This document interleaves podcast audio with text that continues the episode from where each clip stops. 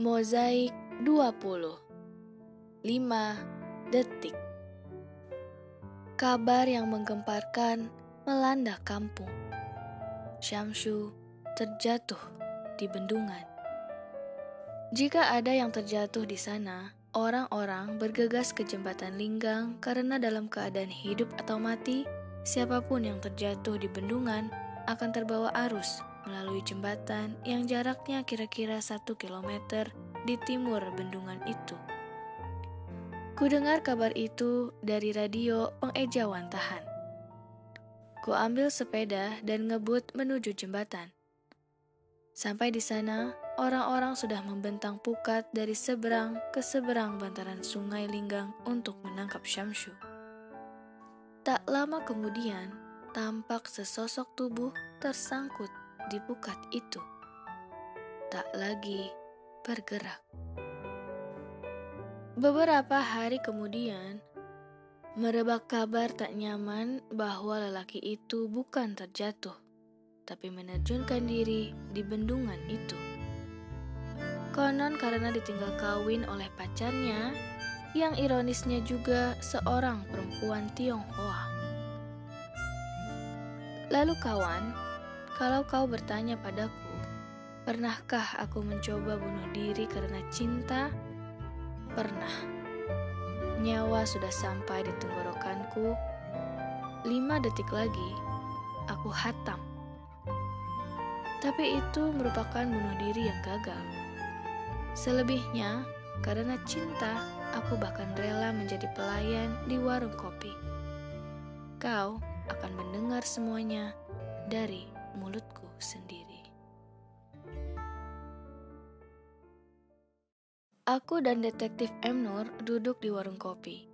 Banyak orang di sana karena 17 Agustus menjelang. Salah satu acara yang paling seru untuk memperingati hari kemerdekaan adalah pertandingan catur. Orang Melayu amat gemar berkumpul di warung kopi sambil menghabiskan waktu dengan bermain catur sehingga pertandingan catur 17 Agustus sangat diminati. Catur tak kalah dari sepak bola dan bulu tangkis yang juga kegemaran orang Melayu. Puluhan papan catur digelar di atas meja kopi yang terhampar sampai ke pinggir jalan raya. Para pecatur dari berbagai klub mulai giat berlatih. Menjadi juara catur adalah idaman setiap lelaki Melayu, sebab gengsinya tinggi dan hadiahnya besar. Jika jadi juara catur, paling tidak membual di warung-warung kopi. Didengar orang, hal itu juga kegemaran orang Melayu. Di warung kopi ini disediakan sebuah papan tulis. Calon peserta akan menulis namanya di sana. Aku dan detektif M. Nur tak peduli akan pertandingan itu karena kami tak berminat pada catur. Dan pikiran kami sedang terfokus pada rencana keberangkatan ke Jakarta. Kami berjumpa di warung itu untuk berunding sebab detektif M. Nur juga ingin ikut merantau denganku untuk kursus teknisi antena parabola. Memang sudah saatnya kita hengkang dari pulau ini, kataku sembari menegar-negarkan diriku sendiri. Perlu kau tahu, detektif, aku dan Aling sudah tamat kalimat. Detektif M. Nur tersenyum sebab ia dapat membaca bahwa hatiku tergetar.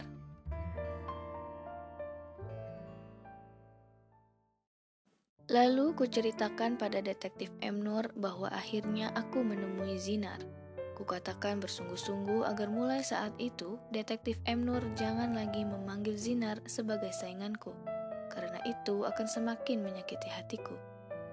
Sebab dilihat dari sebelah mana pun, dinilai dengan cara apa pun, aku kalah dari lelaki itu. Berarti ia memang ganteng ya Kal, tinggikah badannya? Aku menatap detektif M. Nur dengan menanggung perasaan pilu. Ironisnya, pada saat itu, sebuah sepeda meluncur menuju warung kopi lalu parkir di pinggir jalan. Pemilik sepeda adalah seorang yang gagah dengan pakaian yang rapi. Ia melangkah cepat. Langkahnya panjang-panjang seperti peragawan.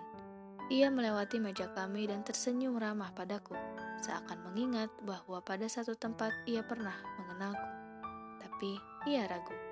ia menghampiri papan tulis dan nomor peserta 76, ia menulis namanya Zinar. Ia berbalik melewati meja kami dan kembali tersenyum padaku. Ia meraih sepedanya dan berlalu. Detektif M. Melihatnya sampai jauh, lalu menoleh padaku. Ia memang tinggi, boy. Aku memanggil pelayan warung kopi untuk menambah gula pada kopiku. Yang tadi enak sekali, tapi sekarang pahit. Dari pembicaraan orang-orang di warung kopi itu, kucuri dengar bahwa Zinar berasal dari Tanjung Pinang dan ia adalah seorang olahragawan serba bisa. Ia pemain pingpong, pemain voli, pelari, pemain sepak bola, dan pecatur. Ia adalah lelaki muda yang dinamis. Tak heran, posturnya atletis dan ia tampak berada dalam kesehatan yang prima. Aku menambah lagi gula pada kopiku. Aku memang telah kalah dalam segala hal. Dari warung kopi, aku berpisah dengan detektif M. Nur karena aku mau ke kantor pos untuk mengirim surat-surat lamaran kerja ke perusahaan-perusahaan di Jakarta. Bagaimanapun berita keadaanku, ku coba mengumpulkan semangat dan bersikap realistis. Aku mengirim banyak surat lamaran. Sampai bosan rasanya aku menulis kalimat atas perhatian dan pertimbangan Bapak Ibu, saya ucapkan ribuan terima kasih. Dan to whom it may concern, Harapanku, jika menerima panggilan nanti, aku telah berada di Jakarta. Di kantor pos itulah ketika sedang menempel-nempelkan perangko, nasib mempertemukanku dengan Enong. Saat itu, ia tengah repot membolak-balik halaman sebuah kamus. Aku kesulitan menahan tawa melihat judul kamus itu. Kamus Bahasa Inggris 1 miliar. 1 000 000 000 kata. Hebat betul. Kening Enong berkerut. Agaknya ia tak berhasil menemukan kata yang ia cari. Ia meletakkan kamus itu di atas meja loket. Lalu, mengeluarkan sebuah buku dari dalam tasnya. Ia membuka buku yang kumal itu, mencari-cari halaman tertentu, dan menemukannya. Ia mengeja sebuah kata yang tertulis di situ, seakan meyakinkan dirinya agar tidak salah melihat rangkaian huruf. Kemudian mulai mencari-cari lagi di dalam kamus tadi. Karena sangat dekat denganku, dapat kulihat kata di halaman buku yang kumal itu. Wound. Enong menggaruk-garuk kepala karena masih tak menemukan kata itu di kamus satu miliarnya. Tadi ia senang dan bersemangat, sekarang wajahnya muram. Kepada Tuan Pos, ia bertanya, mengapa kata yang dicarinya tak tampak. Dengan nada bijaksana, Tuan Pos mengatakan bahwa kamus itu terlalu kecil sehingga kata yang dicarinya tak ada. Perlu kau pesan kamus yang baru, Nong. Tengok lagi katalog buku yang kuberikan padamu minggu lalu. Banyak kamus bahasa Inggris yang bagus di sana. Aku akan memesannya, Tuan Pos. Pasti, jawabnya gembira. Luka, Kak, kataku. Anang terkejut dan menoleh padaku. Luka, arti kata itu adalah luka. Nah, kau bisa bicara Inggris. Bisalah sedikit. Apa katamu tadi? Luka, Kak. Wound artinya luka. Matanya yang polos berbinar-binar. Aku terseret semangatnya. Ia mengeluarkan pensil dari dalam tas. Di halaman buku yang kumal tadi, di belakang kata wound, ia menulis luka. Kemudian, ia mengeluarkan sepucuk surat dari dalam tasnya. Surat ini dari sahabat penaku Minarni di Jawa. Ada kalimat Inggris di sini. Aku ingin sekali tahu artinya. Tolonglah, aku melihat surat itu. Surat yang panjang, penuh dengan kisah-kisah yang sedih dan kalimat-kalimat untuk saling menguatkan antara kedua kawan pena yang terpisah jauh. Pada penutup surat kubaca sebaris kalimat, Time heals every wound. Apa artinya boy? Ini kalimat yang bagus kak, artinya waktu akan menyembuhkan setiap luka. Enong menatapku. Benarkah? Benar kak, waktu akan menyembuhkan setiap luka. Itulah artinya. Enong senang sekaligus sedih. Bukan main boy, bukan main. Pertemuan dengan Enong berlanjut dengan obrolan panjang tentang minatnya akan bahasa Inggris. Ia memperlihatkan padaku berbagai macam katalog yang didapatnya dari Tuan Pos. Aku terkesan akan semangat dan jiwa humornya. Aku diserbu energi positif perempuan itu.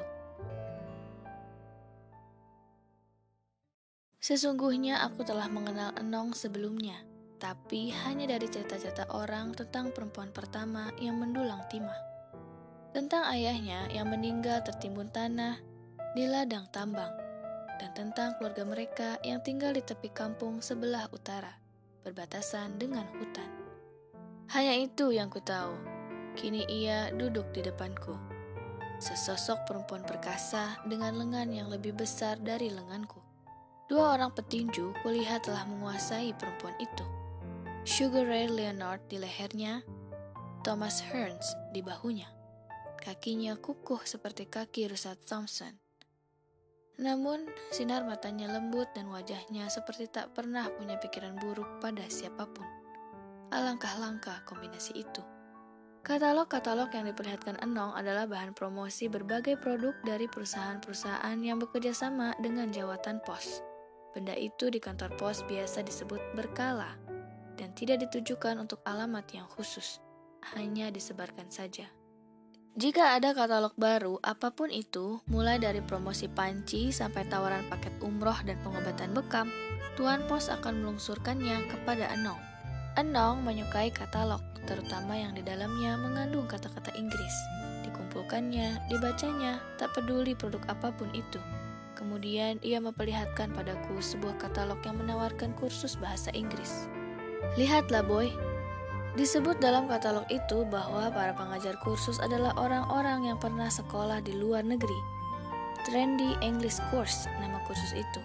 Slogannya Solution for Your Future. Pada katalog itu tampak gambar para pengajar di depan sebuah gedung yang megah. Mereka adalah muda-mudi yang cantik, tampan, dan tampak cerdas. Semuanya tersenyum. Bahkan pot-pot bunga di sekitar mereka juga tersenyum. Enong mengatakan sangat ingin mengikuti kursus itu, tapi tentu hanya ada di kota. Ia telah berkirim surat untuk menanyakan apakah mungkin ia kursus secara jarak jauh. Belum ada jawaban sampai sekarang, sudah lebih dari tiga bulan. Suaranya pelan. Lalu ia bertanya padaku, apa makna trendy English course? Aku kesulitan menjelaskannya. Aku tahu kata trendy itu akan merepotkannya tapi akhirnya kutemukan cara. Kira-kira maksudnya sebuah kursus bahasa Inggris yang tidak ketinggalan zaman, Kak. Enong mengangguk-angguk. Bukan main, boy.